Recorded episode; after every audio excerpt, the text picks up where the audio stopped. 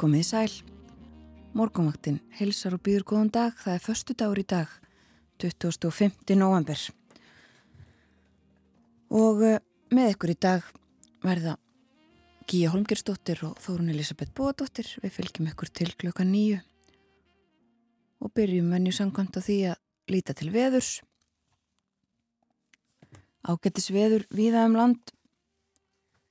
Tekja að læja viða búið að vera kvast og það var sjöstega hitti í Reykjavík klukkan 6 í morgun, létt skíjað og 3 metrar á sekundu. Fimmstega hitti á Kvanneri hægurvindur, sjöstega hitti í Stekishólmi, skíjað og hægurvindur. Sekstega á Patræksfyrði og 5 í Bólungavík, svo litið kvast en þá á þessum slóðum 10 og 12 metrar á sekundu og 14 metrar á sekundu á Holmavík í 5 steg að hita. 8 gráður á Blöndósi og hægurvindur og 5 steg að hiti á Söðanisvita. Lítilsáttar rigninga á Akureyri 5 steg að hiti og vestan 4 metrar á sekundu. 4 steg að hiti á Húsavík og 5 steg á Rövarhöfn. 6 steg að hiti á Skeltingstöðum og 3 steg að hiti á eigilstöðum klukkan 6 í morgun. Létt skíja þar og norðan 4 metrar á sekundu.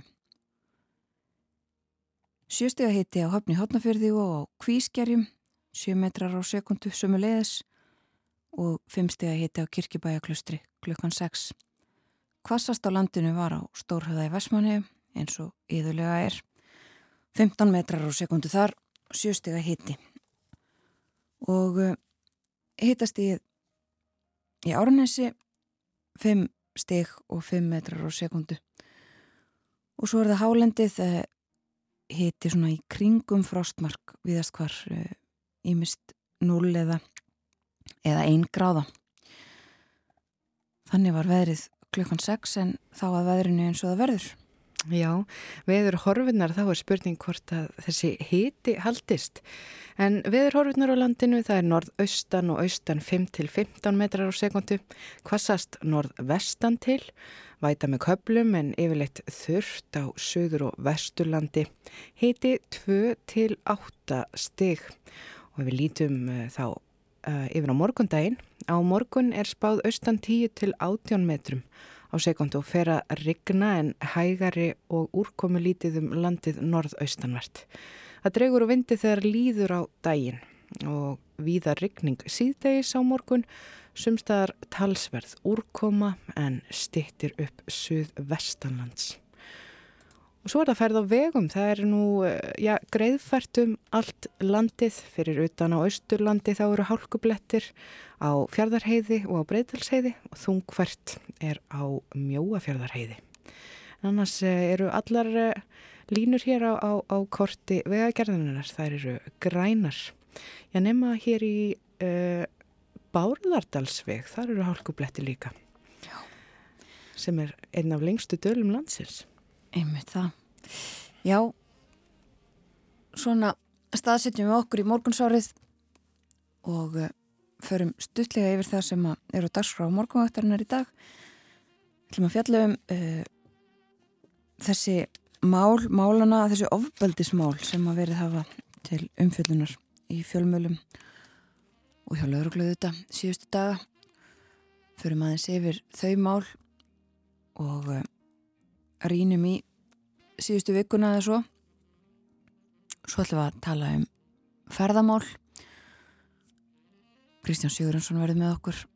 Og eh, undir lokþáttar þá er það barnabókmyndir sem við ætlum að velta fyrir okkur og uh, tala um. Svo þetta fylgjast við með fjölmiðlum lítið með blöðin spilum einhverja tónlist og fylgjum einhver þannig inn í daginn. En uh, talandum tónlist skulum byrja á að heyra fyrsta lægið í þættinum í dag. Hlustum á Mills Brothers og þetta lag heitir Paper Doll.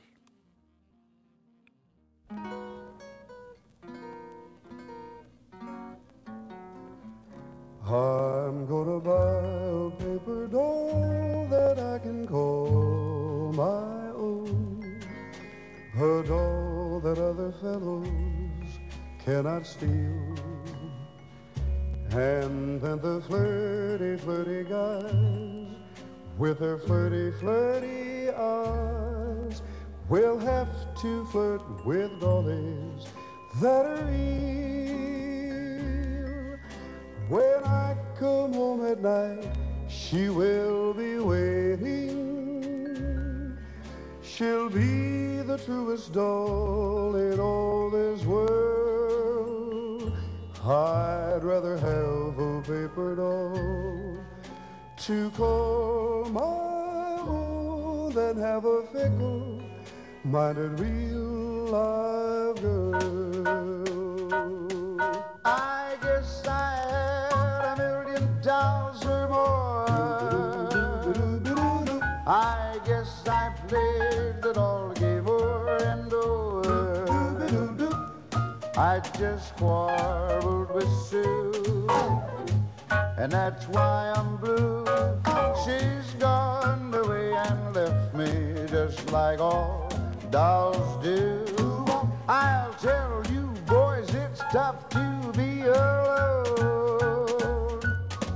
And it's tough to love a doll that's not your own. I'm through with all of them. I'll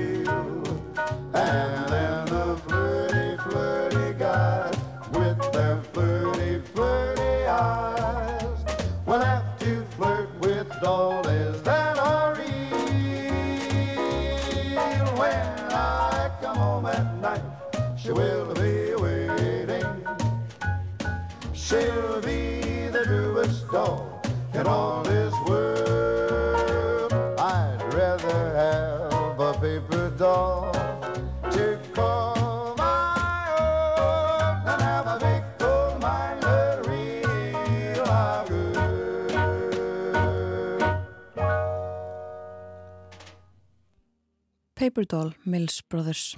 Svona hef við morgunvaktina þennan daginn. En það er komið að auglýsingum og svo fréttum frá fréttastofunni. Svo snúum við aftur hingað á morgunvaktina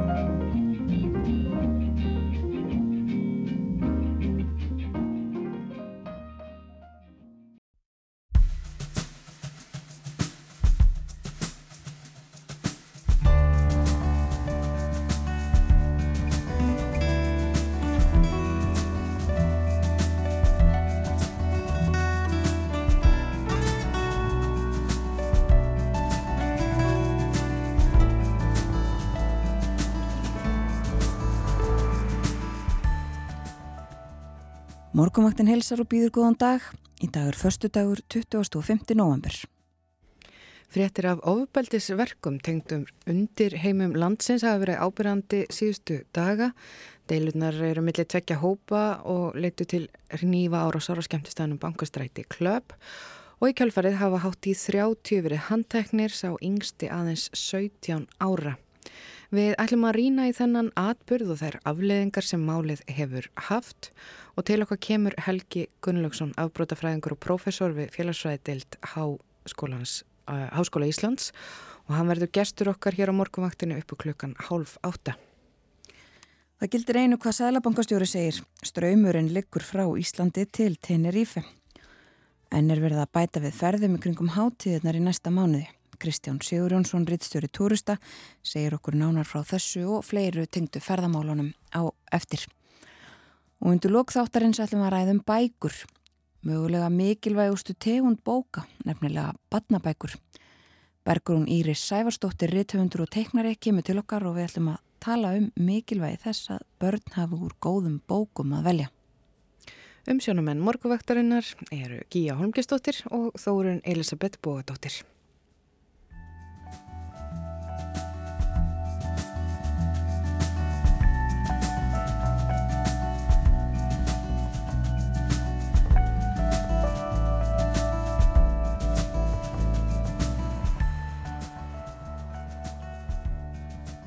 Það hefur smám saman dreyið úr vindi í nótt og í dag verða norðaustan og austan 5-15 metrar á sekundu. Kvassast norðvestan til á landinu. Væta með köplum en það verður þurft og allvíða bjart á söður og vesturlandi. Og hitin í dag 2-8 stygg. Á morgun gengur úrkomi bakki inn yfir landið austan 10 til 18 metrar á sekundu fyrri part dagsins og fer að regna en hægari og úrkomu lítið um landið norðaustanvert. Það dregur svo úrvindi þegar líður á daginn og síðdegis verður regning víða um land, sumstaðar talsverð úrkoma en þá stýttir líklega upp söðvestanlands. Og á sunnudag, austleg eða breytilega 8 til 15 metrar á sekundu og regning með köplum en lægir allvíða með morninum og hiti breytist lítið.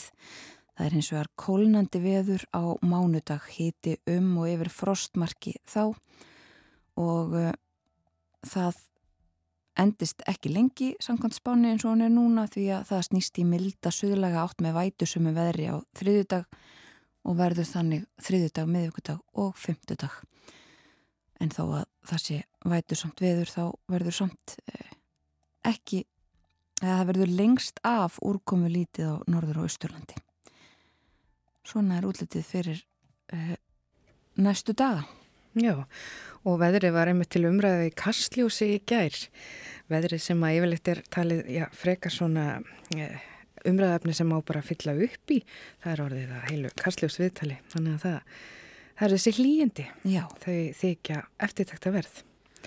En ég er hérna komið með blöðin uh, fyrir fram með fréttablaðið og þar er mynd af uh, fundi. Það er stíft fundað uh, milli aðila vinnumarkaðarins í Karpúsinu, skrifstofum Sáttasemjara og þetta var tekið í gær og það sem meðal annars var rættum er gerð skamtíma kjara samninga og eins og kom fram í sjónvarsfréttum í gær þá verða stíf fundarhöld á næstunni.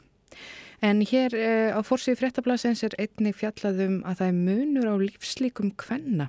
Uh, munurinn er að aukast en uh, mentunastíg hefur verulega áhrif á lífslíkur Íslendinga, engum kvenna af því er nýjar íslenska rannsóknir benda til og sérstakka aðtegli vekur að konu sem hafa fengið litla mentun geta almenngert ráð fyrir stittri lífslengt en lang skóla gengnar konur og fyrir munurinn vaksandi. Þar munar orðið mörgum árum.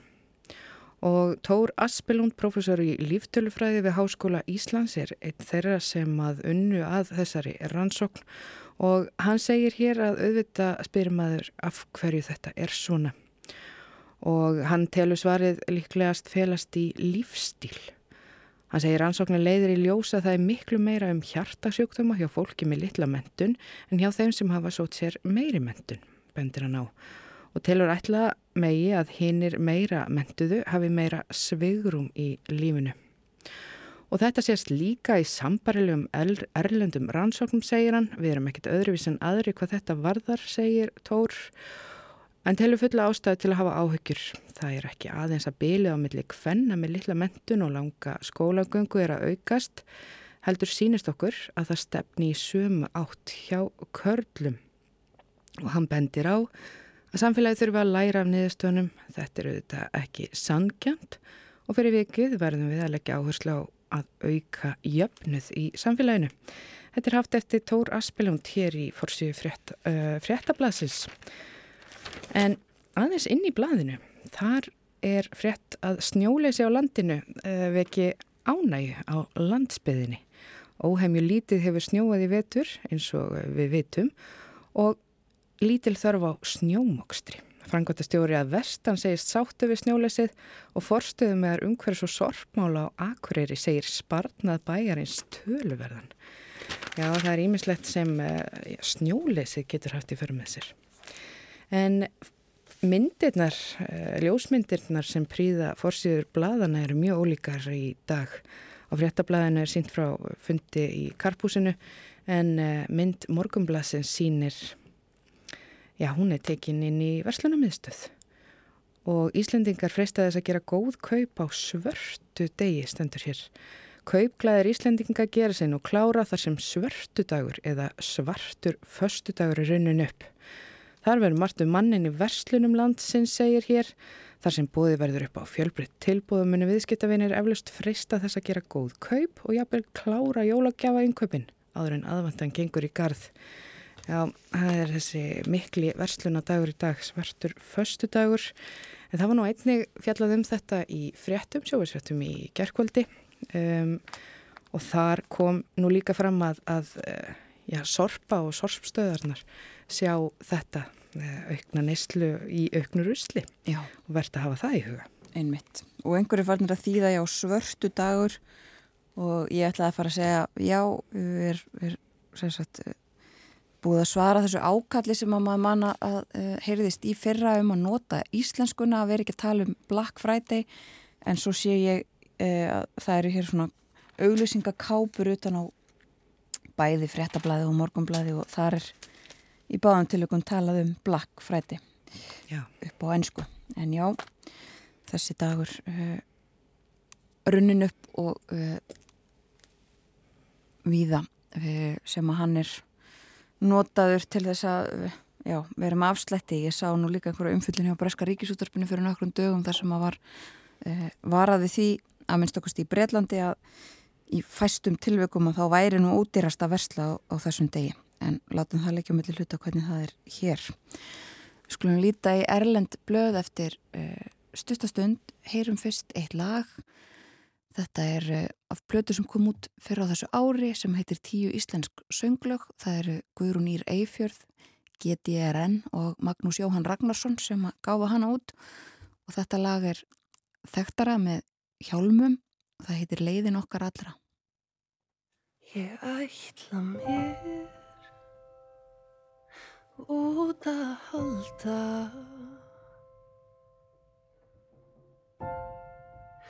Örlegin falda því. Mörgum á ég greiða gjalda. Það er gömur sag og ný Guðeinn veit hvert leið mig liggur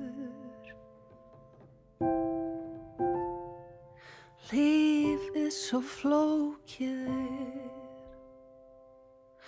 Oft ég er í hjarta hryggur. En ég harka samt af mér. Eitt lítið knús.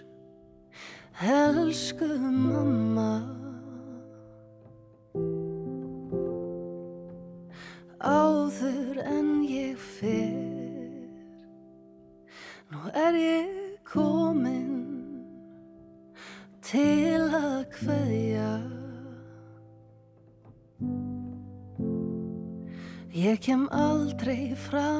framar hér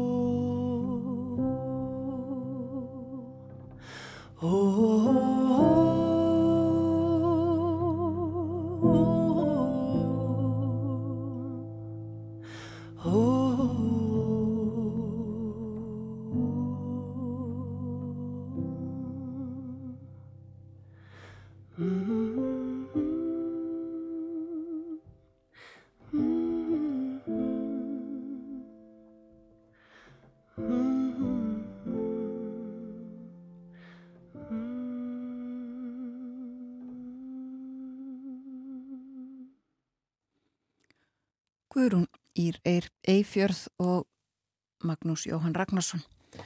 Leiðin okkar allra heitir þetta lag. Og uh, við litum í íslensku blöðin hér áðan og förum nú aðeins út í heim og byrjum í Danmörku þennan morgunin.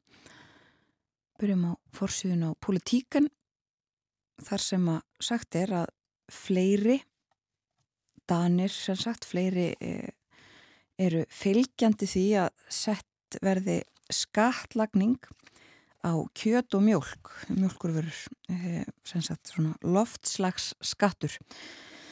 Þó er meira hluti á móti slíkum aðgerðum en uh, sagt hér í undir fyrirsögn að margir eða flestir hagfræðingar uh, telja þetta, þessi aðgerð myndi hafa afgerandi áhrif og hjálpa mikið til við að reyna að ná loftslagsmarkmiðum Danmerkur.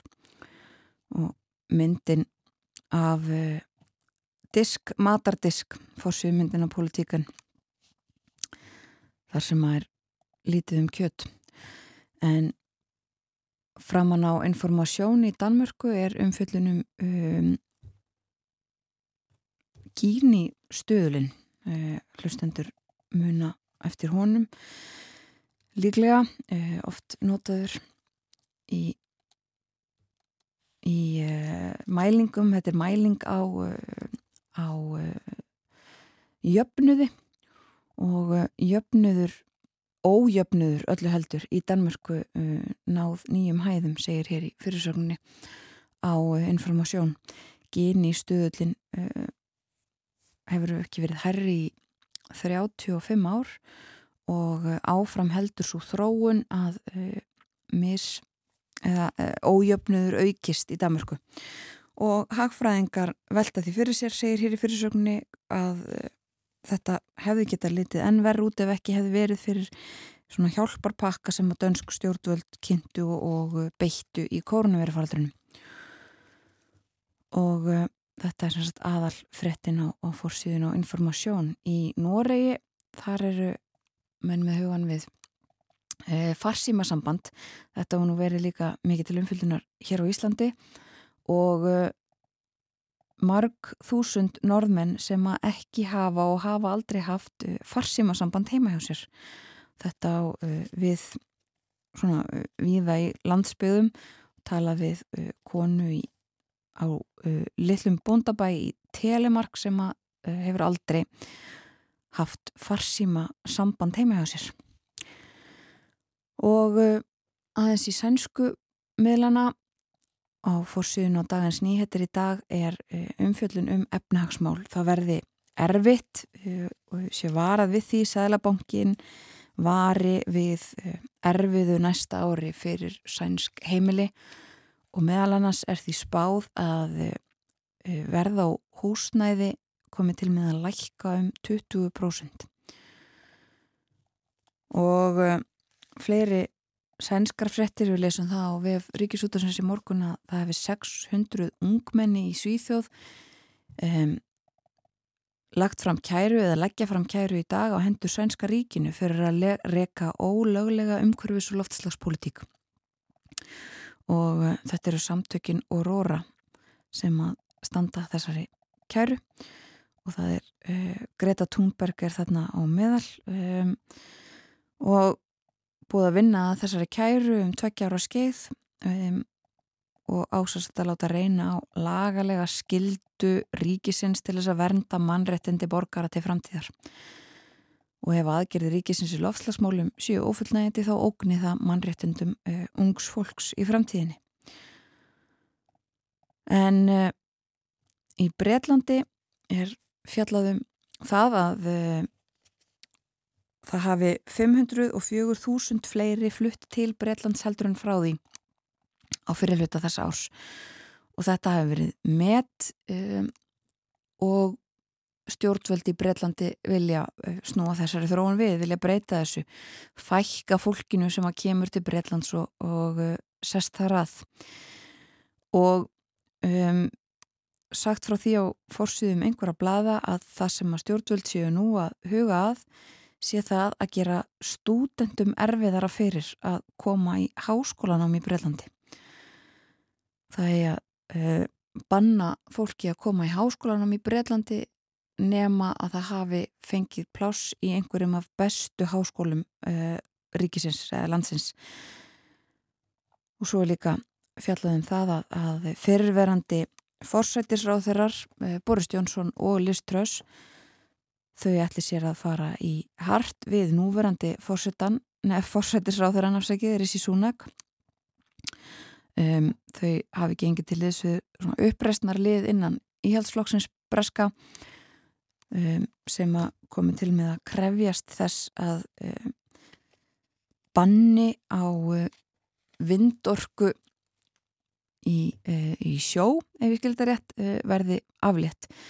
Það verði sérstaklega lift um, og þau séu tilbúin til þess að fara í hart við fórsettisráð þegar hann eftir mann þeirra vegna þessara móla og svo hefur þetta áfram eh, talað um eh, heimsmystara mút kalla í fótbolta englendingar sérstaklega og, og veilsverjar uppteknar því enda með tvö, þessi tvö landslið á heimsmystara mótinu en svo eru það um, auðvitað Úkræna það er um, Fórsið fréttin á Financial Times í Breitlandi uh, talaði við uh, Volodymyr Selenski að vitnaði hann að Úkrænumenn muni stöðva ára sér rúsa á, um, á orku innviði en um, sömulegðis fjallaðum þetta í bandariskum fjölmjölum á fórsíðunni á New York Times.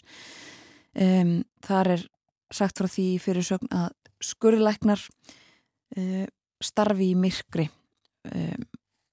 Það sé þannig að almennir borgarar séu að takast á við e, orkuleysi, vassleysi en það verði erfæra með hverjum klukkutímanum sem að líður.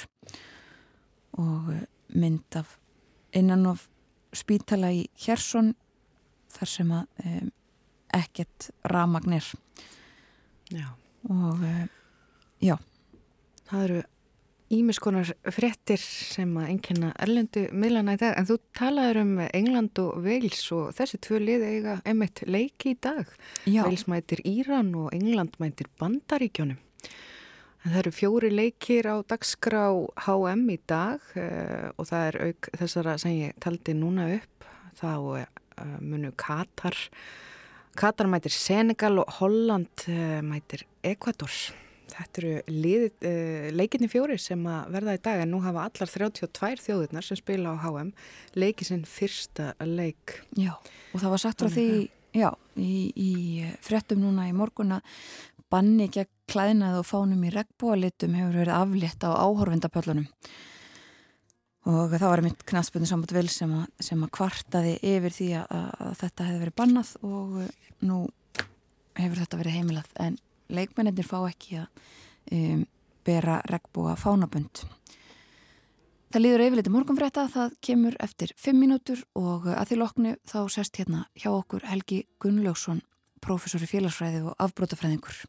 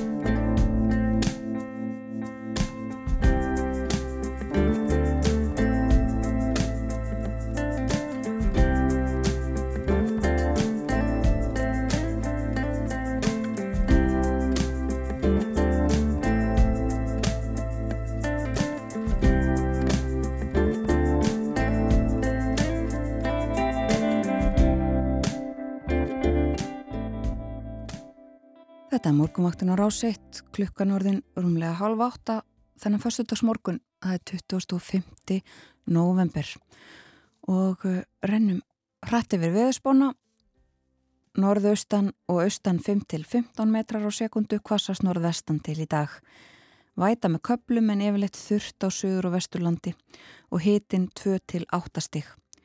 Á morgun austan 10 til 18 metrar á sekundu og fyrir að regna en hægari og úrkomi lítið um landið norðustanvert og það dregur úr vindi þegar að líður á daginn. Víða regning síðdegis sumstaðar talsverð úrkoma en stittur upp söðvestanlands og á sunnudag áfram austlæg eða breytileg átt. 8 til 15 og regning með köplum en lægir allvíða með morninum og hiti breytist lítið. Og eh, svona hljómar veðurspáin. Við minnum á það að hér á eftir þá eh, ræðum við við Kristján Sigurjónsson, reittstjóra túrista. Hann verður með okkur frá Stokkólmi og við ætlum meðal annars að tala um uh, hátíðarnar og ummæli sælabankastjóra sem hefur nú í tvígang svona sleið á já maður að segja tætnar á fólki. Hann talaði um tásumindir frá Tenerife og það gildir einu hvað hann segir það er ennverð að fjölga ferðum þangað yfir hátíðanar. Og undir lókþáttarins þá ætlum við að ræðum bækur, barnabækur, mikilvægi þeirra. Eh, það eru þær sem að skipta öllu til þess að búa til eh, lesendur til framtíðar og hjálpa krökkum að verða læs. Þá þurfa bækunar að vera almennilegar. En nú snúum okkur öðru. Já, í dag er Nákvæmlega vika síðan að frettir byrjuði að berast af nýfstunga árásunni á skemmtistanum bankastræti klöpp. Árásun átti sér stað, hann að réttum miðnætti 15. kvöldi 17. november og eins og frekt er orðið þá fór hópur dökklætra manna með grímur inn á skemmtistæðin og réðst þar á nokkra aðila sem voru inn á staðnum og þessir árásamenn voru klættir til dæmis stunguheldum vestum og báru ímis önnur vopn og lögreglan segir það vísbendum vísbendingu um að þarna hafi væntanlega átt að valda sem mestu tjóni og lauruglan hefur líka sagt að væntanlega hafi árásamennir búist við fleiri aðilum inn á staðnum til þess að ráðast á og það skýri þennan mikla fjölda árásamanna.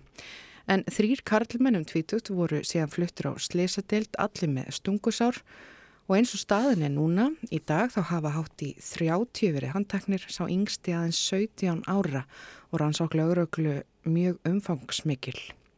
Og ofan að þetta allt saman þá bætast við hótanir og skemdarverk í kjölfarið á árásinni, aukið álag á dómskerfið og gríðalegt álag á fangelsin og svo auðvitað þessi leki á rannsóknugögnum frá lauruglinni. En til þess að rína í þannan atbyrð og afleðingarnar sem að hann hefur haft þá er hinga komin á morgunvaktina Helgi Gunnlaugsson, afbrótafræðingur og prófessor við félagsfræði deilt Hái. Vertu velkomin Helgi. Takk fyrir. Sko, þegar maður já, lesi þetta og fer svona yfir söguna þá vekruðu við þetta sérstaka aðtekli hversu ungt fólk þetta er. 17 ára sá yngsti og aðrir, já svona í kringum tvítugt. Hvað uh, já, segir þetta þér? Hvernig lítur þú á þennan unga aldur uh, gerenda?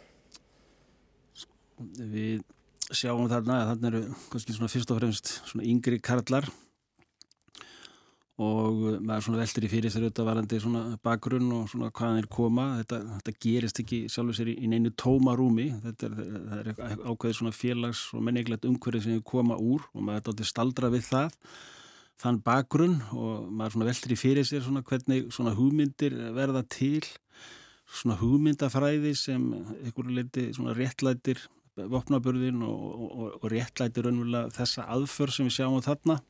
Mm.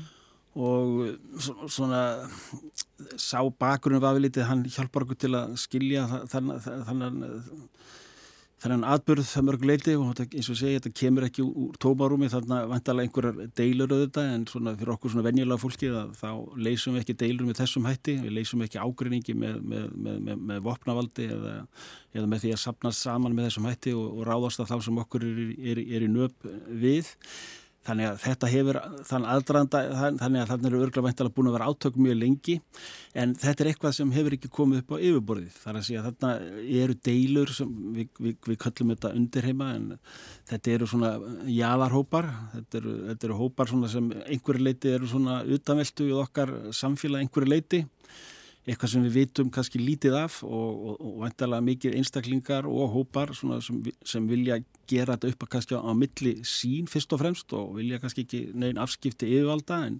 en þarna rjúkaði til á stað í, í bankastræti í svona hjarta reykjaðugur borgar á ofinberum stað og sapna saman með þessum hætti og, og þá allt í einu poppar þetta upp í okkar svona miðju samfélagi þar að segja fer inn í fjölmila og þetta fengið mjög mikla aðtegli hjá okkur sem, sem, sem von er því að þetta er eiginlega svona mörgur leiti eins og svona doldið eins og köld vaskus að framann í svona okkur venjulega borgara þó þetta hafi nú verið að, að svona gerjast undir niðri í talsverðan tíma. Já, já, Lauriklan hefur einmitt sagt að ofbeldis menning hefur nú týðkast lengi undir heimunum, það sé ekkit nýtt en, en það er eitthvað ólíkt við þetta já, og það er þá vendalega þessi sínileiki. Það er þessi sínileiki að koma upp á yfirborð með þessum hætti að þarna ykkur leiti svona blasir þetta við okkur og við myndum að fengi þetta svona, svona hálfgjörðu beinu sjómarfi bara frá hérna, mm. myndbrótonum sem Lauriklan lag út í samfélagið að þá einhvern veginn bara horfum við á þetta svona og eiginlega bara í hálfgerlega svona felmtri slegin að sjá þennan hóp eh, ráðast inn með þessum hætti og, og stinga af alebli þarna í, í, í þarna þrjáaðra einstaklinga en við sjáum líka þar að þetta koma kannski 30 maður sinni, það eru líka svona kannski örfáir sem eru mjög afgerandi, sem eru svona í forsvari má segja, það eru kannski mm -hmm. tveir, þrýr, mestalagi fjóri svona sem beita sér og svo eru hínir svona í einhver, einhvers konar klappliði og, og það geraði verkum að maður fyrir svona veltaði fyrir sig svona dýnamengin í þessum hópum. Það er að segja að það eru vendalega einhverju leittóar og það er kannski einhverju aðra sem eru eldri og svona sem móta hérna yngri sko og það, þannig að það eru þarna einhverju svona, við getum kannski sagt einhvers konar farþegar eitthvað slíð sem eru bara, fer, sem eru bara þarna fljóta með, með vini sínum. Og það þarf að einhverju leiti að með þess að hópa að þú veist það þarf að komast á einhverju svona já kannski samtali eða, eða einhverju slíkur en að komi vekk fyrir að, að, að ungir karlmenn mestmægnis að þeir tengist hópum og, og hugmyndum af þessu tægi, þessar, þessar hugmyndafræð um það að það sé réttlandanlegt að bæða að bera á opn og, og, og beita þinn gangvar þeim sem mann er kannski einhverju leiti nöp við sko Já. og það, það er það sem við þurfum að gera og svo, svo líka var þetta þennan bakgrunn öðru leiti að þetta eru þetta einstaklingar sem sko vafa lítið og þetta kemur kannski svona rannsórun um hverðina og, og, og fyrir okkur í félagsýstum að þeir eru að rannsaka bakgrunn svona þessara einstaklinga og þessar hópa að þetta eru svona einstaklingar sem, sko, sem hafa einhverju leiti orðið utanvelta við okkar samfélagsstopnanir og já, kannski alveg bara frá, frá byrjun, leikskóla grunnskóla, framhalskóla og maður svona veldur í fyrir sér svona stuðningi heima fyrir hvernig, hvernig, hvernig honum búið að hátta að,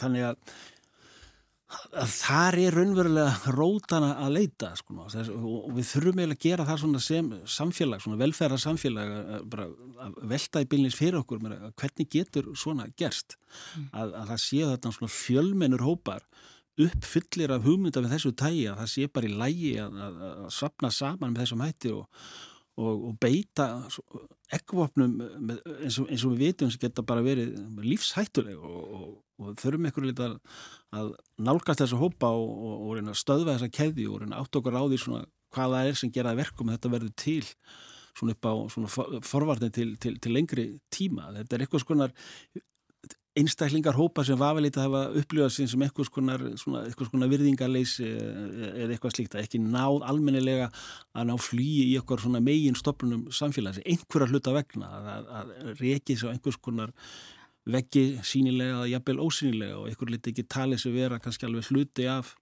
þessu venjulega samfélagi. Já, þannig að við þurfum að uh, rýna þetta með þessum augum, þetta er samfélagslegt mál, ekki, ekki, um, ekki neitt annað en það, en, en þú sagðið einmitt sko við þurfum að einhvern veginn koma, reyna að koma í veg fyrir það að, að ungir mitt mestmögniskallar fari inn í svona hópa og þetta verði til, hvernig gerum við það? Vitum við eitthvað, hvernig er hægt að gera það? Sko, við höfum stoplanir, við höfum uh, velferðarstoplanir, við höfum uh, leikskóla, grunnskóla, við höfum stuðningi í skólunum og, og við, við þurfum að vera alltaf næm á það á nefndur okkar og á börnin okkar, því þetta eru bara börnin okkar. Og að komið veg fyrir það að þau verði einhverju leiti sko lendimilli stafs og hurðar sko, að, að, að, að það þarf að vera stuðningur í, í, í skólakerfuna þýlitunni til að koma inn til, til, til þeirra og þetta eru mestmenni strengir stúlkur svona almennt að standa sér betur og, fara betur í gegnum þetta, þessar kerfi okkar. En svo eru þarna einstaklingar, sérstaklega drengir sem ofta tíum lenda utanveldu og, og þeir geta kannski haft einhver félagslega einkinni sem passi ekki við almenn félagslega einkinni á Íslandi.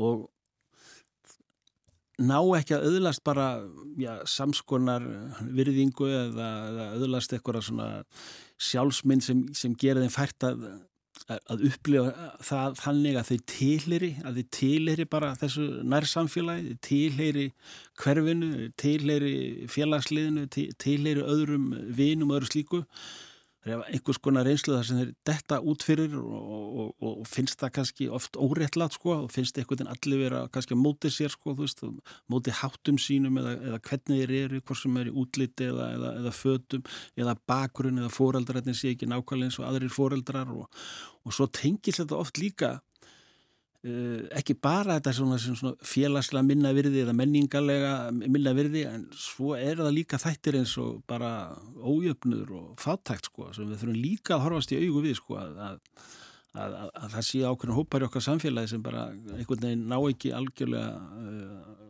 endum saman og, og, og þetta bytnar á börnunum og bytt og sem, sem get ekki alveg tekið þátt í þessu nýslu kaplöfu líka og, og, hérna, og finna þess upplifa sig þannig að, að, hérna, að, að þeir séu þá tilir ekki alveg að get ekki alveg komist inn í raunverulega það umhverfi sem, sem, sem aðrir er í og, svona, og ykkur fara að meta sér ykkur liti minni, minna virði en aðra og, mm. og það er einmitt með þessa einstaklingu þessa, þessa hópamyndun að, að, að það voru oft einstaklingar sem eru með svona samskona reynslu um svona utanveldu menningu að þeir fara að tengja sér saman og innan þeirra hópa fá menn svona stuðning.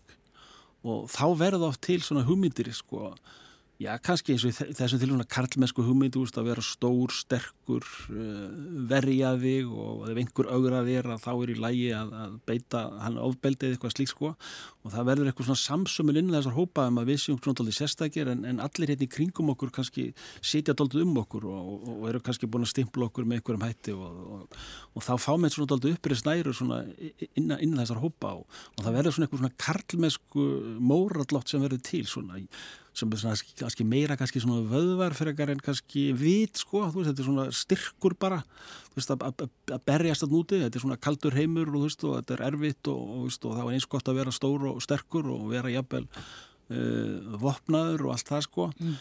og þá er þetta svona alltaf líka spurningi kannski með svona viðbrókar sko, þú veist, eigum að svara kannski bara í sömu mynd sko eigum við líka þá svona sem samfélag ríkisvald sko opibera mm. við að vera líka stór og sterk sko þú veist að mopna okkur sko Já. Sko eins og dómsmála ráðherra hefur nú komið inn á, hann vil taka harta málum segist bara að fara í stríð við svona skipulega að glæpa þar sem er uh, eh, talað um aukna rannsóknarheimildir og rafbísuvæðingu já það þarf mögulega að styrkja lauröglun einhvern veginn sem er fáliðið en, en, en það hefur lítið verið minnst af svona þennan samfélagslega vanda frá stjórnvaldum Já, þetta er, svona, það má segja mitt að grípa til svona orðfæri eins og hann gerir sko, eins og til dæmis með, með stríðsyfirlýsingu, þar að segja að fara í stríð já, við skipula brotastarðsemi þetta er svona mörguleiti kannski svona, svona, svona óhefulegt það er svona hvers konar skilabóður sendt til þessara hópa, þessara drengja þessara barna okkar sko.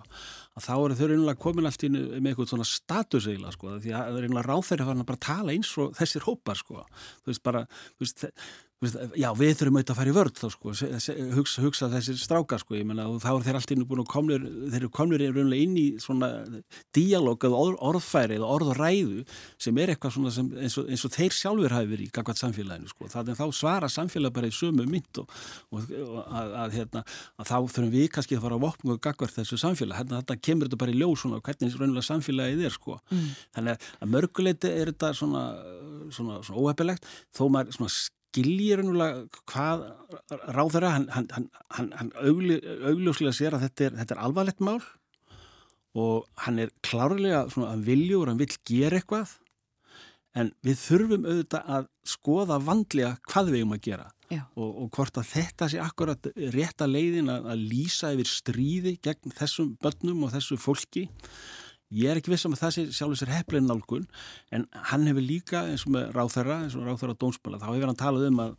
að, að þurfa að gera mjög margt og hann við talað um til dæmis að það vanti meiri fjármagn í þennan málaflokk og sem er í fangelsunum eða í réttaværslikerfinu og, og, og það er góð sviti því að það þarf að ebla það. Og síðan er þessu umræða líka eins og, eins og, eins komið fram með varðandi bæðis eins og lauröglu og, fangaverði þá, það sem skiptir svona, svona mestu máli þar er að að, að, að bæði með lögreglu og fangaverð að það séu svona bara vel mentaðir einstaklingar, það séu þarna góð þjálfun sem eigi sér stað mm. og ef við tökum til dæmis lögreglun sem dæmi og þá hefur við talað um það að, þeir, að lögreglun þurfi að fara að búa sig vel og, og þurfi að vera vel í stakk búin til að takast á við þennan harnandi veruleika og, og, og við, við skiljum það alveg og, og þetta sjáum við það að, að við viljum að lögreglan og lögreglumenn séu í stakkbúinu til þess að takast á við svona já, erfiðar aðstæður. Þar skiptir mestu að lauraglan sé vel mentuð, sé vel þjálfuð og að vaktirnar séu ekki undirmannaðar og ekki undirminnaðar mannaðar lauraglumennu sem eru með litla þjálfun og jafnvel ekki menta þessu lauraglumenn. Við viljum að, að, að lauraglan sé vel þjálfuð og, og, og vel mentuð og, og vaktirnar séu vel mannaðar og ef svo er að þá sínir að sig að, að þá þarf minna að, að, að bregða eða beita svona valdbyttingatækjum eins og já, skambisum eða, eða, eða teyser sko. Það er mm. meiri hægt á því að að ef lögreglan er svona í eitthvað þjálfuð ekki vel mentuð og þá er hægt á því að menn fara kannski grípa til valdbyggatækja sem geta verið mjög skadlega og hættulega eins og teyser get, getur verið. Ég fyrir sjálfa mig sko að og, og bara mitt mat á þessu að, að vel þjálfu lauragla, velreind lauragla sem er í svona góðum svona tengslum bara við sitt umhverfi og kann sitt starf mjög vel ég vissi alveg ekkert mikla ráðegjur að, að þeir hafi aðgang að einhvers konar valdbættingateikjum eins og, eins og já, teysir og jafnvel skambisu vegna þess að vel þjálfu lauragla hún, hún hægt er að trista að, að beita því með mikilli varfærni en í svona lang flestum tilfellum það, það, það, það þarf ekki að beita slíku og, og, og það er hægt að beita svo mörgum öðrum aðferðum en slíkum valdbyggatækjum við það Já. en á sama tíma þá verður við samt að, að, að hafa í huga að aðstæður geta oft verið mjög erfiðar og hættulegar og lauraglan verður að lita upplega sér sjálf sem ekki aðstæðum og það getur verið að, að við tiltegna kringustæður að þá þurfum aðgengja einhverju slíku búnaði að, að, að vera heppilegur. Gúrko, þú talar einmitt um, um þetta. Þetta lítur að mörguleiti líka kannski eiga við inn í fangilsunum með fangaverðina og bara aðstæðunar í fangilsum og aðbúnaðan hjá fungum líka. Jú, sko, það, það er alveg rétt og þetta hefur komið upp núna, fang, fangaverð hafa verið að tala um þetta og, og, og tala um, svona, um spennu í, í fangilsunum mm -hmm. og þar gildir þetta reynur alveg að sama. Þar auðvitað viljum við að, að fangaverðu séu vel þjálfaðir velmentaðir með samskipta færni líka þetta er ekki bara spurningin um að vera stór og sterkur og vera í einhvern rosalum herbúning þetta gagvart föngunum, þetta er líka spurningin um að, að, að geta raunverulega haft samskipti við, við fanga og, og, svona, og svona, svona, svona yfir höfuð eru þau samskipti bara í, í lægi, sko, það má ekki gleyma því. Þetta er ekki bara stríðsástand upp á hvert dag Nei. en það er hægt að auka það er hægt að auka spennu á milli fanga og, og fangaverði en það er líka hægt að draga úr þeirri spennu. Og það gerist raunverulega bara með, með, með samskiptum.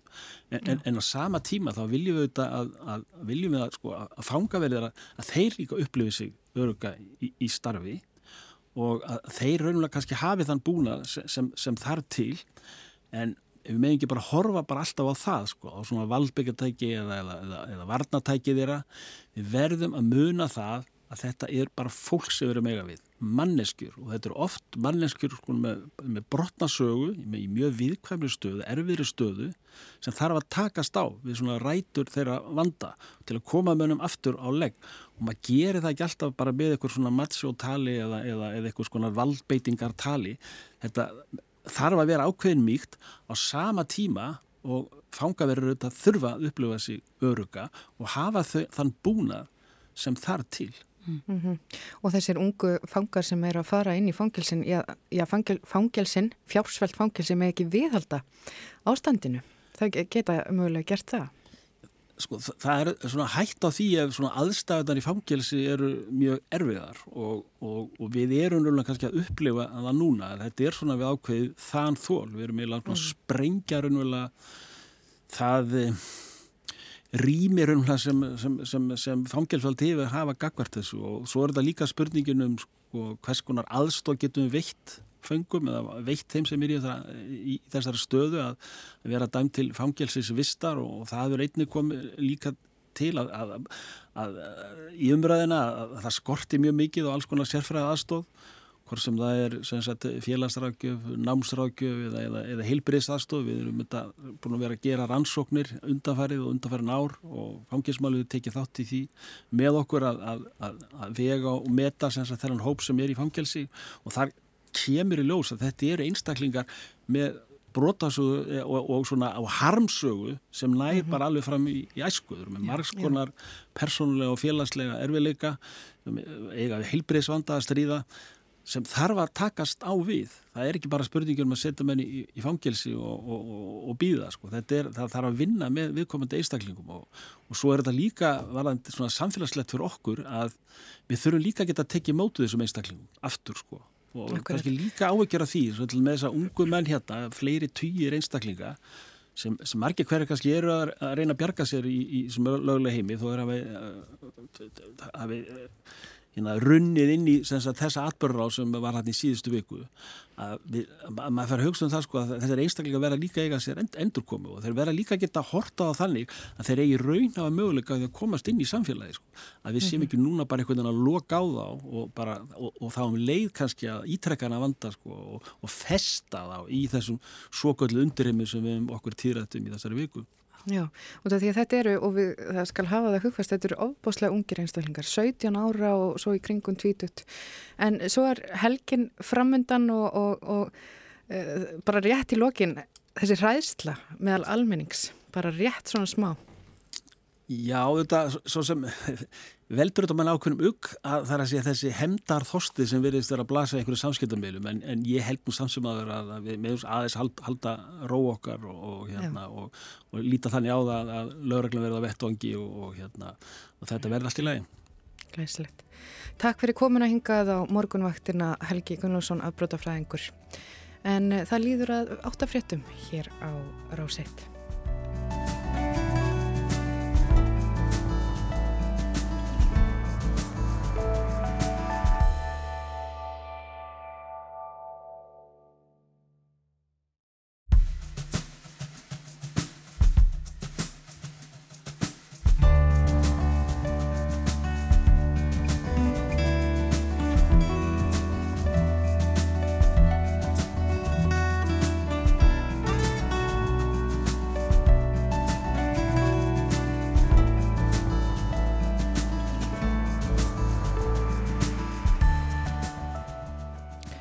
Morgunvaktin heldur áfram hér á Ráseitt.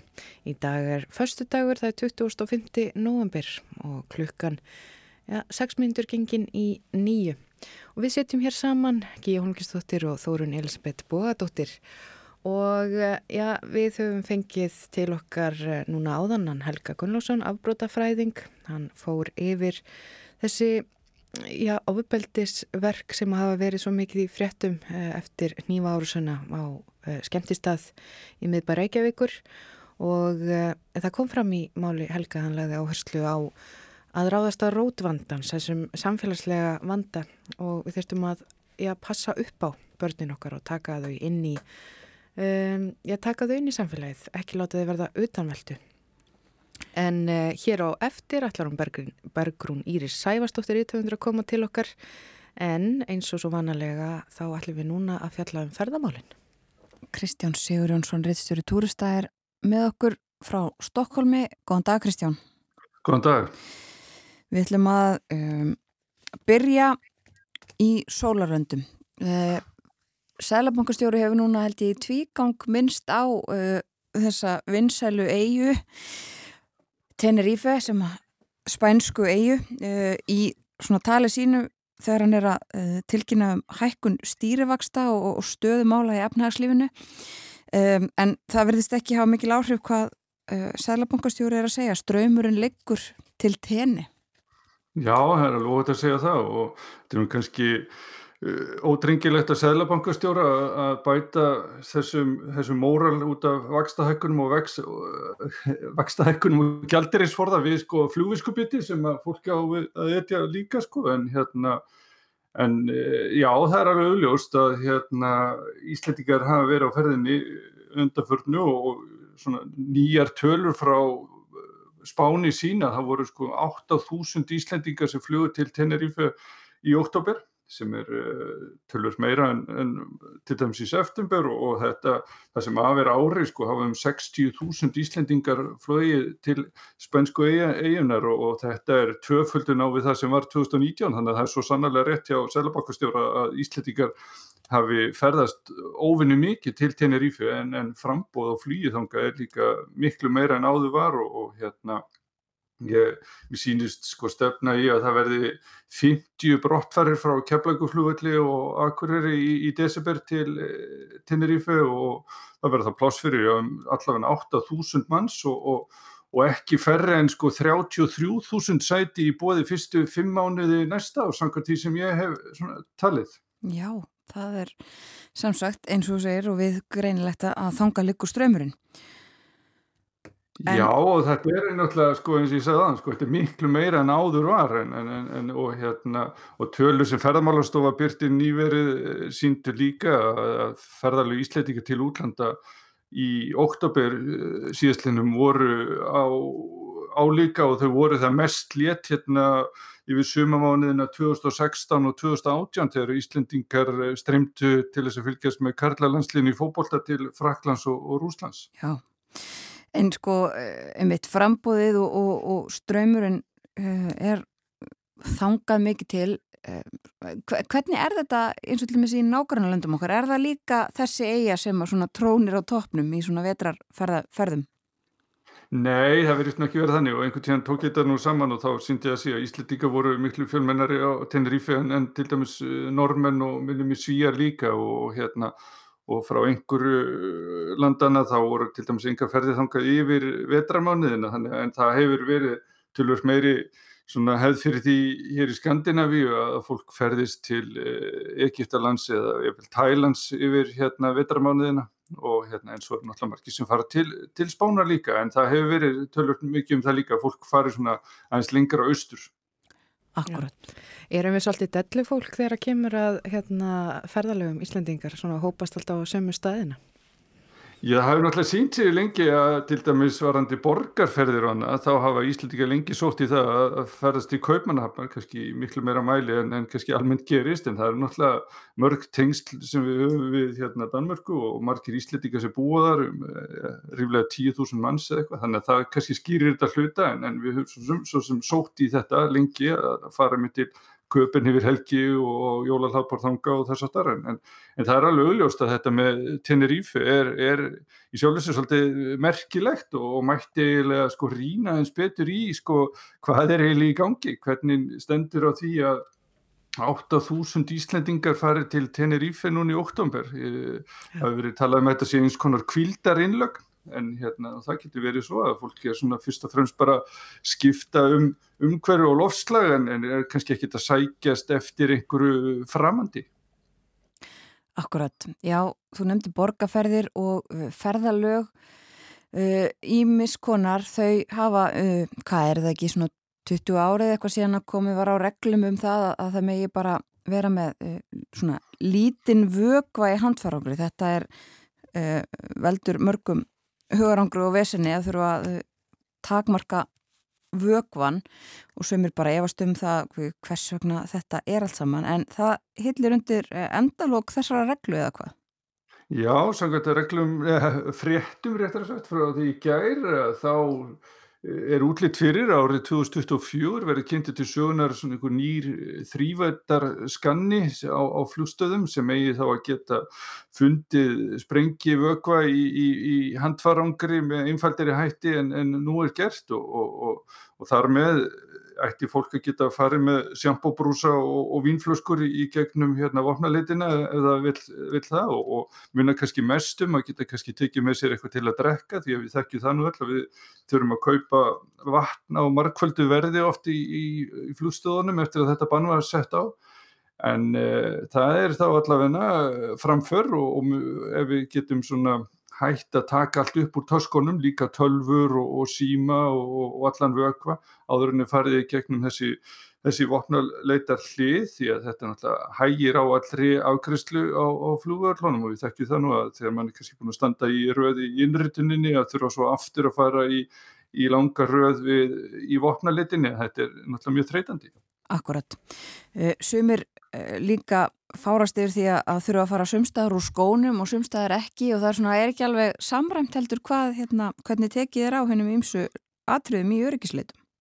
Nei, ég held ég tuði eða hvert einasta skipti þegar ég fer ekki hérna vopnalitinni í leifstöða og bendiðum á, ég hafi verið í þessum sömu skóm þegar ég flög híðan frá Stokkólmu og þar hafi ég ekki þurft að fara úr skónum en en ég þurfa alltaf að fara úr þeim á Íslandi. Mér, að lengi þótt þetta mjög pyrrandi en hérna það eru verið þeirra eftirlit með skóm hefur verið alveg sérstaklega hart á Íslandi en, en hérna það er nú eitthvað aðeins lagnað á þessu en, en, en við annar staðar er, er, er þar maður ekki að fara úr skónum en þetta er því miður ekki hluti af þessari nýju byltingu sem er bóðið eftir tvö ár það er að segja að við getum farið í gegn á, á hvaða klossum sem er Nei, skannarnir eru ekki hannaður til þess að uh, finna sprengjur í skóm.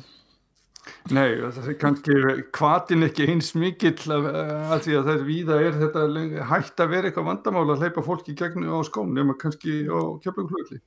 En uh, þessi skannar er, er líklegt að þeir dreifist já bara mjög fljótt og svona svipum tíma um alla flugstöðar eh, um heiminn? Ég ætla að verði ekki eitthvað vesen og við þekkjum það nú eins og núna eftir heimsfaraldur að það er svo afsökun sem er notuð í einu öllu núna er að það sé erfitt að verða sér út um, um íhluti hitt og þetta og þar að leiðandi hægja framleyslinu, við sjáum þetta til dæmis í bílageiranum núna en, en hérna við vonum það að árið 2024 að þá gangið þetta svolítið hratt fyrir sig og, og, og, og það kannski, já vonandi á sumari 2024 að þetta verði orðið þannig og þá verði þú stittri raðir í, í, í hérna vopnarleitinu fyrir þá sem ætla að fljóti Tenerife í júni það ár. Akkurat, já, býðum spennt eftir þessu en um, það er, eða það var uh, þakkargjörðarháttíð í gær uh, þessu er þetta kannski einna helst uh, fagnað í bandaríkunum. Þetta er, þetta er mikil hátíð þar og uh, þá sömulegis mikil ferðahelgi. Já, eina, eina, ein, ein þeirra stærsta í, í bandaríkjónum og mjög margir á ferðinni og, og mikið álag á, á bandarinskum flúvöllum því að í bandaríkjónum eru lesta samgöngur ennþá í sjálfur sér víða með frumstæðari hætti en við þekkjum í Evrópu. Þannig að það er margir sem eru að fljúa og, og, og pressan á flúfölugin eh, vestanum sér er kannski óvenju mikil núna, ekki bara vegna þess að það eru svona margir á ferðinni heldur að því að ráðamenn í Washington hafa svona, ég gefið það út að það sé fylst sérstaklega vel með hvernig, hvernig fljófélagin standa sér þessa helgina því að það var náttúrulega í sumar töluverð vandræði fyrir fljófélagi að halda áætlunum uh, meðal annars vegna manneklu uh, en núna hafa sérstaklega ég veldi í bandreginum gefið út að, að ef flugfélagin fari ekki að standa sig þá þurfum við kannski að herða reglur og auka réttindi neytenda og, og það er nefnilega í bandreginum en þá þannig að þú ert svona, ég réttur flugfar þegar er ekki eins mikill og í Evrópu til dæmis eða verða senkanir eða flugur fælt nýður þannig að það er svona verið bóða það að, að regluverkið í bandaríkjónu verði kannski eitthvað í takt við það sem við þekkjum í Evrópu og, og það myndi hafa í för með sér töluverðan auka kostnað fyrir flugfélagin sjálf. Já, sko hver er um, helsti munurinn í þessum reglum og vitum við það?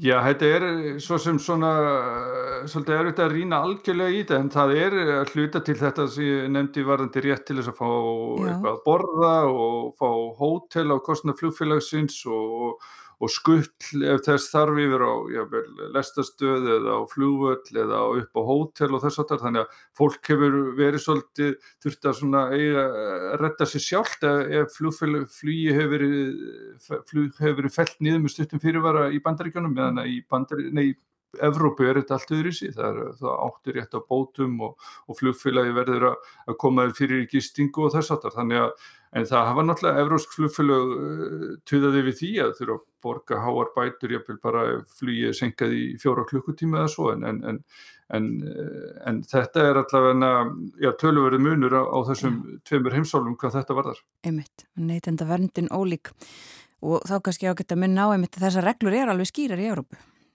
Já og það er hægt að finna þér á til dæmis á VF samgöngustofu þar sem þetta er algjörlega tilgreint eftir því hvað þú ert að fara að fljúa langt. Þetta er bótagreisla ræst svolítið því hvað ferðalagið er, er langt og, og, og það er um að gera hérna vera að kíkja á heimasíðu samgöngustofu ef maður er í einhverjum vafa varandi það sem er verið að bjóða manni á flúvellinum ef, ef, ef maður er standarklópur. Já, einmitt. Ágætt að hafa þetta í huga. Eh, já, fluginu til Tenerife verður frestað um jólinn Nei, segir svona, ef við byrjuðum á því að tala um einmitt þau mál. Að hlusta á lagum sólina í lok þessar spjallsokkar Takk fyrir í dag Kristján Sigurjónsson. Takk sem við leiðis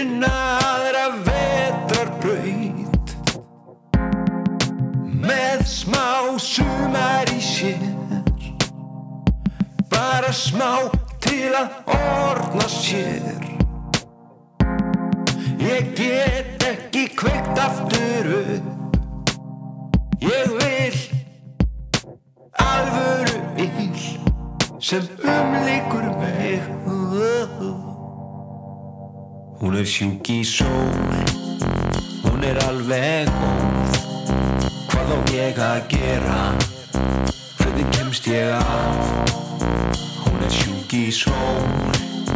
Hún er alveg óð Hvað á ég að gera? Hvernig kemst ég af Hún er sjúk í sól.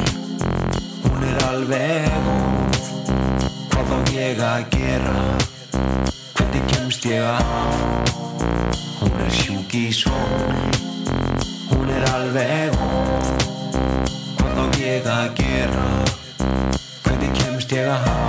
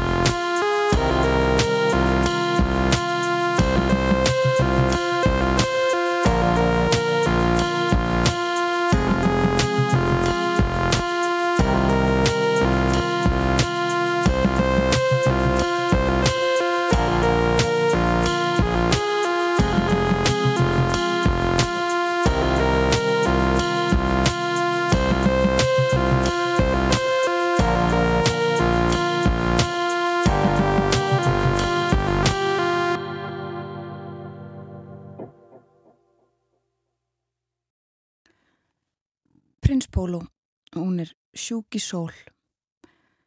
Sjúk í sól heitir lægið og uh, við leikum þetta eftir spjallokkar við Kristján Sigur Jónsson rittstjóra túrista. Hann er með okkur annan hvert förstu dag og uh, við rættum meðal annars í dag um sólina, sólalandaferðir Íslendingar eru svolítið sjúkir í sól. Það eru Já. mjög margir uh, sem hafa farið með margir til spænsku eigunar Tenerife mm. á þessu ári. og, og með margir sem hafa tekið af sitt hásumindir á Tenerife og sett á samfélagsmiðla. Akkurat eins og uh, Sælabankastjóri hefur gert. Ódöðlegt ef ekki segja það bara. Og ekkert láta þessu það að verða fjölmarkar ferðir uh, mörg þúsund manns sem að verða þarna um uh, jólin og áramútin frá Íslandi. Uh, þetta er ekki jafnvinsalt í Londonum í kringum okkur, það eru fleiri Íslandingar á þessari ákveðnu eigi að okkurstu heldur en um, aðrar Norðurlanda þjóðir Kvíldar innlögn held ég að vera orðið sem að Kristján hafði um þetta. Kvíla sig á veðrinu en veðrið hefur nú ekki verið e, til að kvarta mikið yfir eins og við fórum yfir hérna fyrir í morgun. Var það ekki á fórsíðan á morgunblæðinu ekki það sem var talað um að það væri ánægja með þetta veður sérstaklega e, þar sem ekki hefur þurft að verja miklum peningum eða tíma í snjómókstur Jú, það var fjallað um þetta í ykkur í blæðana að, að hérna, landsbygðafólk væri sérstaklega ánægt með þetta en það Já, það sem að snjómokstur er oft mjög kostnæðasamur þá kemur þetta sér vel, sérstaklega þegar nú er ansi hart í ári hjá sveitafjölu. Akkurat. Það líður að yfirleiti morgunfrétta, það kemur eftir 6 mínútur tæpar og um, eftir það þá ætlum við að tala um barnabækur, barnabókmyndir. Bergrún Íris Sæfastóttir, rittuðundur og teiknari verður með okkur þá.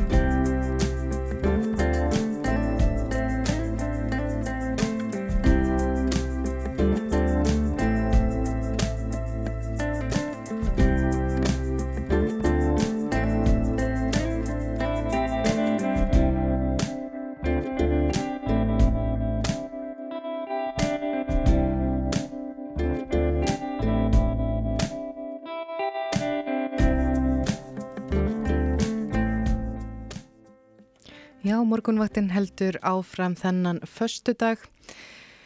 Það er uh, gott að fara aðeins uh, yfir veðrið. Það segir hér í huglegingu viðfræðings það hefur dreyið smá saman úr vindi í nótt og í dag verður norð-austan og austan 5-15 metrar á sekundu. Kvassast norð-vestan til. Væta með köplum en það verður þurft og allvíða bjart á söður og vesturlandi og hitin heldur áfram að vera, já nokkuð hár, hiti 2 til 8 gráður. En á morgun þá gengur úrkomi bakki inn yfir landið, það verður austan 10 til 18 metrar á sekundi fyrir par dags og fyrir að rigna en hægari og úrkomi lítið um landið norð-austanvert. Það dregur vindi þegar líður á daginn á morgun og síðdeis verður svo rigning viða um land sem staðar talsverð úrkoma en þá stýttir líklega upp suð vestanlands. Já, við erum búin að fara í já, alls konar málefni hér á morgunvaktinni. Við höfum rætt um ferðamálinn við Kristján Sigur Jónsson og, og hér í morgun kom til okkar Helgi Gunnlaugsson, afbrótafræðingur og fór, já, rindi í, í þessi ofbeldismál sem hafa verið svo mikið í fréttum að undanförnu. En nú í lokþáttar þá snúum við okkur að já, mikilvægi barnabókmynda. Já, það hefur verið mikil umræða um læsi, um íslensku kennslu og ímislegt fleira undafarið. Eh, í síðustu viku var dagur íslenskra tungu og eh, þá tölum við um íslenskuna, mikilvægi hennar, Við ætlum að tala um það sem kannski skiptir einna mestu máli þegar kemur að íslenskunni og það eru mitt barnabækunar. Til okkar er komin Bergrún Íris Sæfarsdóttir, barnabóka höfundur. Velkomin á morgunvættina. Kæra þakki fyrir það. Um, við ætlum að tala um þetta svona svolítið vitt og breytt. Mér langar að spyrja það fyrst bara, hefur þú alltaf haft áhuga á barnabókmyndum?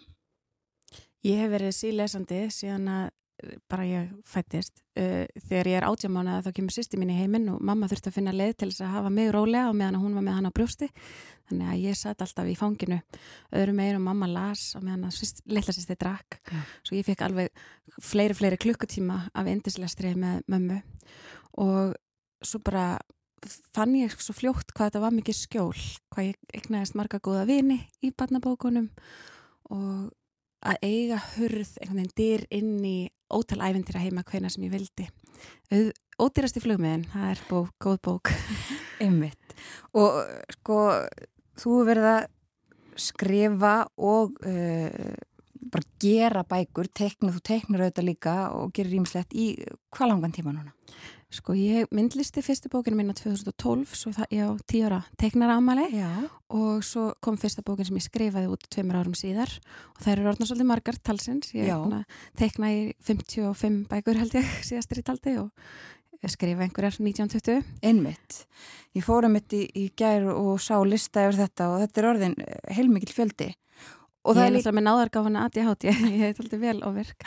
Já.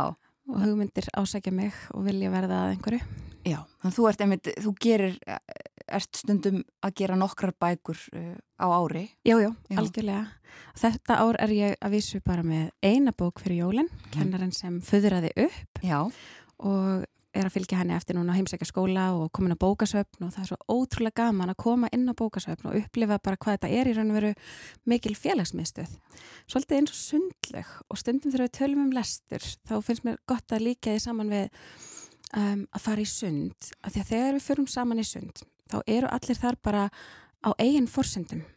100% eftir eigin getu og færni. Sumir eru með kúta og aðrir eru að synda eh, skriðsund á fullum hraða, sumir vilja aldrei fara í kalda vatni og setja bara í heita pottinum en það eru allir að skemta sér.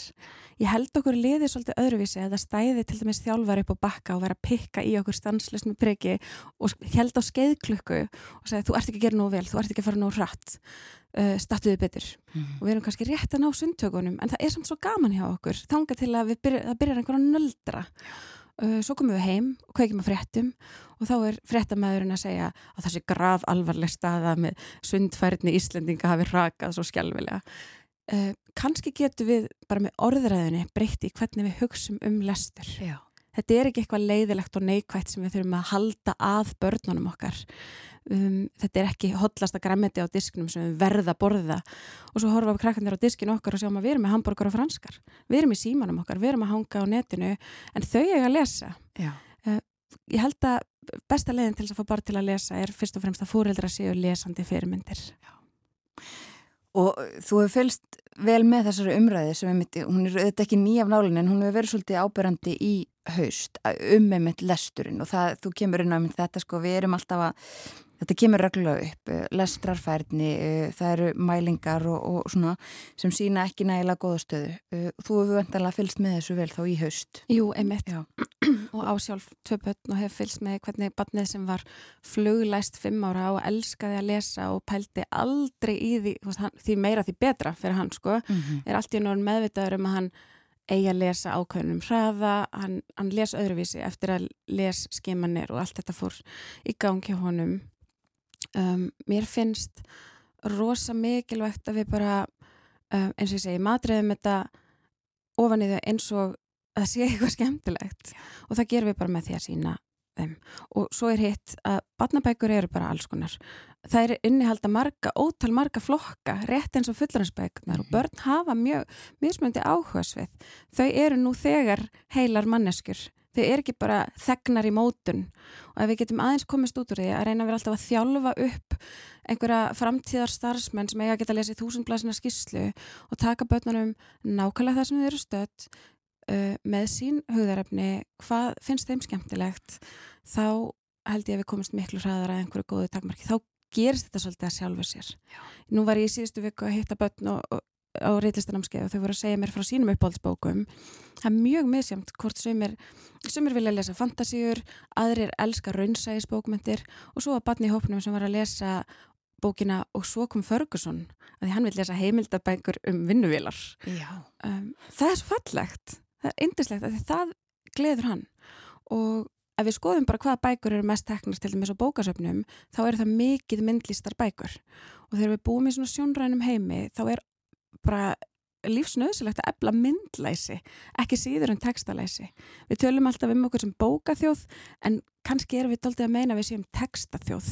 Og við gætum aðeins endur skoða þetta þegar við tölum um myndlistar barnabækur að bera meiri virðingu fyrir tekningum og hvernig þær geta sagt sögu mm -hmm. hvað það er gríðar mikilvægt á tímum samfélagsmiðla og auglýsinga fyrir börn að vera vel myndlæs Já, Já og þú talar um myndlýstarbækur það var oft bara að tala um skreittar, myndskreittar.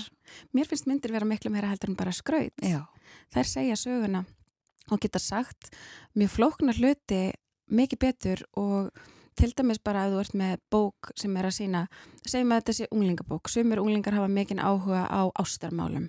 Um, það er miklu auðveldara að nálgast uh, barnið þar sem það er statt með því að sína til dæmis bara mynd af einhverju mómenti, það er hérna læsast fingur saman eða einhver smá kors á teikningu heldur en að fara að útskýra það í dítilegu máli af því að þá ertu kannski bara misbjóða börnum sem er ekki komin ángað þannig að teikningin getur dreyið þig að þar sem þú ert stattur Já, akkurat um, Finnst þér úrvalið af barnabókum sem að uh, börnunum okkar er bóðið upp á allir inn í skólanum er, er það nægilega gott? Það kom svolítið fram líka í þessum uh, umræðum um lesturinn að Emme. börn annar staðar hefðu aðgengi að öðruvísi bókum og, og þar framstu göttunum. Við þurfum náttúrulega að hafa miklu, miklu fleiri bækur, ekki síst unglingabækurnar og það sem er skjálfilegt er að Úlingabækur eru mjög fáar sem koma át á Íslandi, á íslensku og hverju ári og krakkarnir sem lesa mikið og þau eru alveg mörg um, þau eru löngu búin með alla bækurna bara fyrir miðjan januar og hvað er það að gera þá? Að þau vilja halda fram að lesa þá fara þau að leita í bækur á ennsku mm -hmm. og þá eru þau allt í orðin miklu sterkar í ennsku í að tala um ákveðin mál til dæmis bara sinn uh, samtíma, sinn uh, hormonabúskap og tilfinningar og allt þetta og hafa allt í einu miklu fjölbreyttari orðaforða til þess að tjá sig um hluti sem skipta máli á ennsku og þá erum við orðin mállaus um mikilvæg málefni á íslensku. Um, varðandi bækur sko, léttlestra bækur í skólum það er náttúrulega verið að bara bjóða upp á sem mest, sumt af því er orðið vel úrreld úr sig gengið og það þarf kannski að þess að skoða það en ég veit að ég skrifa mjög mikið fyrir mentumálstofnun ég veit að það er virkilega verið að vanda sig hvað var þar fjölbreytileika og að tikka í öll heimsinsbóks til þess að við sem að sína krökkum heiminn eins og hann er mm. Já, þú ert að skrifa mikið fyrir Já, Já. það er svona með því skemmtilegra sem ég gerir sko. Já, þú ert að skrifa beint inn í efni fyrir börnin í skólunum Já, Já. og Bentamálstofnun er mjög kjörguð með hvernig þetta var þegar við vorum ungar. Já. þegar ég gerir heimilisfræði bækur og, og það stendur hérna, myndalistanum teikna mynd af börnum að nóða pizzadeg og ég hafði strax samband bara þurfaði að vera börn? Má ég gera skrimsli, zombia, uh, drauga eitthvað, jájájá bara skemmtiður og þannig eru námsbækur orðnar miklu meira aðlæðandi og halda mikið betur aðtegli mm. það þetta með myndirnar, þær eru svo mikið að halda aðteglinni að því að þú pældu aðeins í því bara, að þú verður að fletta fréttablaðinu og það væri engar myndir það væri bara letur ég held að þú myndir freka fljótt missa aðteglin út um gluggan ekki síst að þú sætir inn í herbergi með 23 manneskum manneskum við hliðin að vera að pikka í aukslinu að það er stanslaust uh, það er einhverju krakkar að hrópa fyrir aftan þig það er kannski geggja veður úti og þið döðlangar að komast út í fókbólta hvernig á síðan að halda þér? Við getum haldið þér með lit, línum og litum og, og fallegum teknikum Já, akkurat. Já, sko, hérna hvað enginn er goða barnabokk? Fyrir utan, þú er náttúrulega kannski mhm. búin að tala svolítið um Nei, myndirnar. Já, einmitt. Uh, verðing gagvart lesandanum, 100%. Að mæta lesandanum þar sem það er ekki verið alltaf að reyna kannski alan upp eða móta þennan fyrirmyndar þegn. Þau tala við þau af einlegni. Mm -hmm. ég held að það sé bara best að ná sér í nokkra bækur eftir Guðrúni Helga að maður vil vita hvað enginn er góða barnabók það, hún er þessu hún er með þess að töfra Já. Og þú ert eins og sagður að þú ert bara með eina bók bara. Uh, Já, ég skrifaði reyndar þrjár, það, er, það komið út þrjár, ég gerði hérna líka Míu Magic, Mía hérna fyrir tíuli sem er ótrúlega skemmtilegt verkefni fyrir langvegböld og svo kom einn fyrir mentamálstofnun og svo kom þessi fjóruðabók í kennaraseríunni. Það eru bækur sem að hafa svolítið náða veiða en lesendur sem myndu annars ekki vera að lesa, Já. sem er ótrúlega skemmtilegt fyrir mig sem hefur vund að fá að heyra það fæ mikið að postum frá fórildrum sem að eiga börn sem hafa kannski bara aldrei sínt lestri áhuga Já. og er allt í einu orðin alveg sjúki bækur Já, það er frábært Það er best uh, En sko hvernig er að vera barnabóka höfundur í svona uh, þessu sem við tölum alltaf um sem jólabókaflóðið? Þetta er ótrúlega skemmtilegt alltaf svolítið stressandi mér líður pínu undarlega að vera ekki með sjö bækur eða eitthvað eins og ég er svo oft og en þetta er, maður hleypur um og, og færa hitta lesendurna sína og, og fólk sem eru að vesla bækur.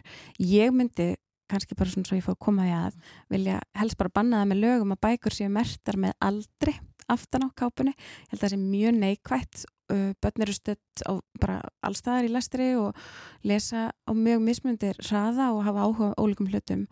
Og það er ótrúlega leiðilegt fyrir 12 ára barn að upplifa að snúa bók við og sjá, nei, þessi bók er fyrir 6 til 8 ó, er ég svona lélögur er ég ekki nógu góður í þess og svo framvegis.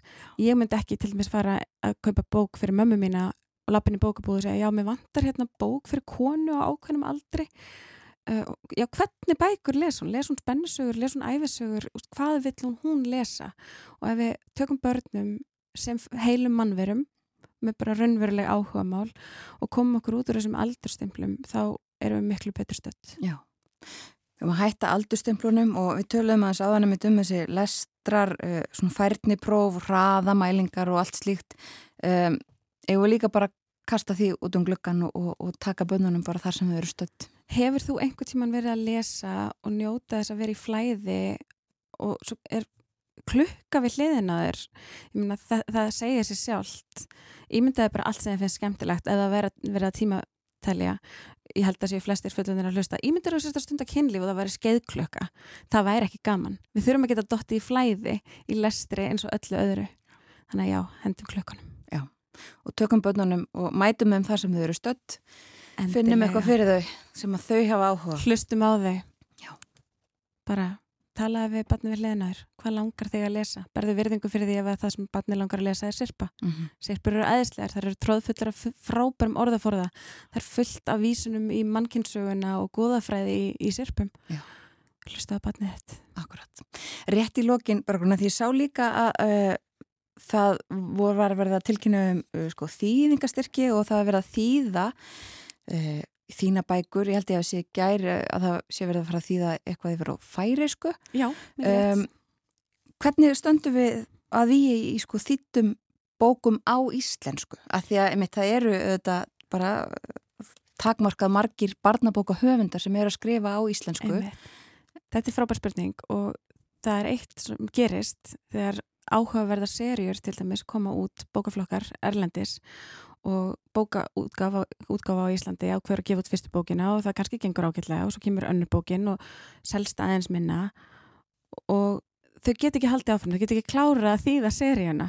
Þetta er ræðilegt fyrir krakkana sem að sökkunni seríuna í fyrstu og annara bókinni að fá ekki þriði bókinu í íslensku að því að þá missum við þau strax yfir á ennsku um, og þau eru kannski að lesa bækunar, þau eru að lesa í skólanum, þau eru að taka það á bókasöfnum en bókin selst ekki og þess vegna er svo gríðarlega mikilvægt að fá þýðingastyrki, ekki síst fyrir batnabækur.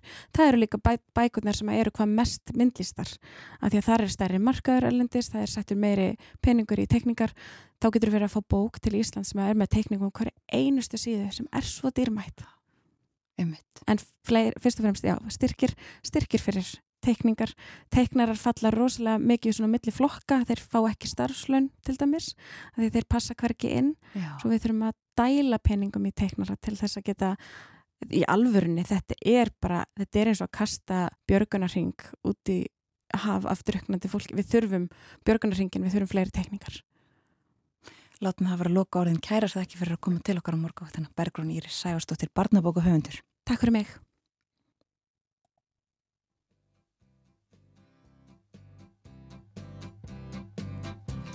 skíin félum ekki sólina villkyrnir Við skíin eru bara að kíkja á leiki mannana Við skíin sjáum ykkur laupa og í rakinu Klætt gulum, rauðum, grænum, bláum regnkápum eins og regnbógi meistarans Regnbógi meistarans Við skíin eru bara grá, bara grá. Á morgun kemur sólin, hvar verður skíin þá? Skíin félum ekki sólina vilkir blik. Við skíin erum bara að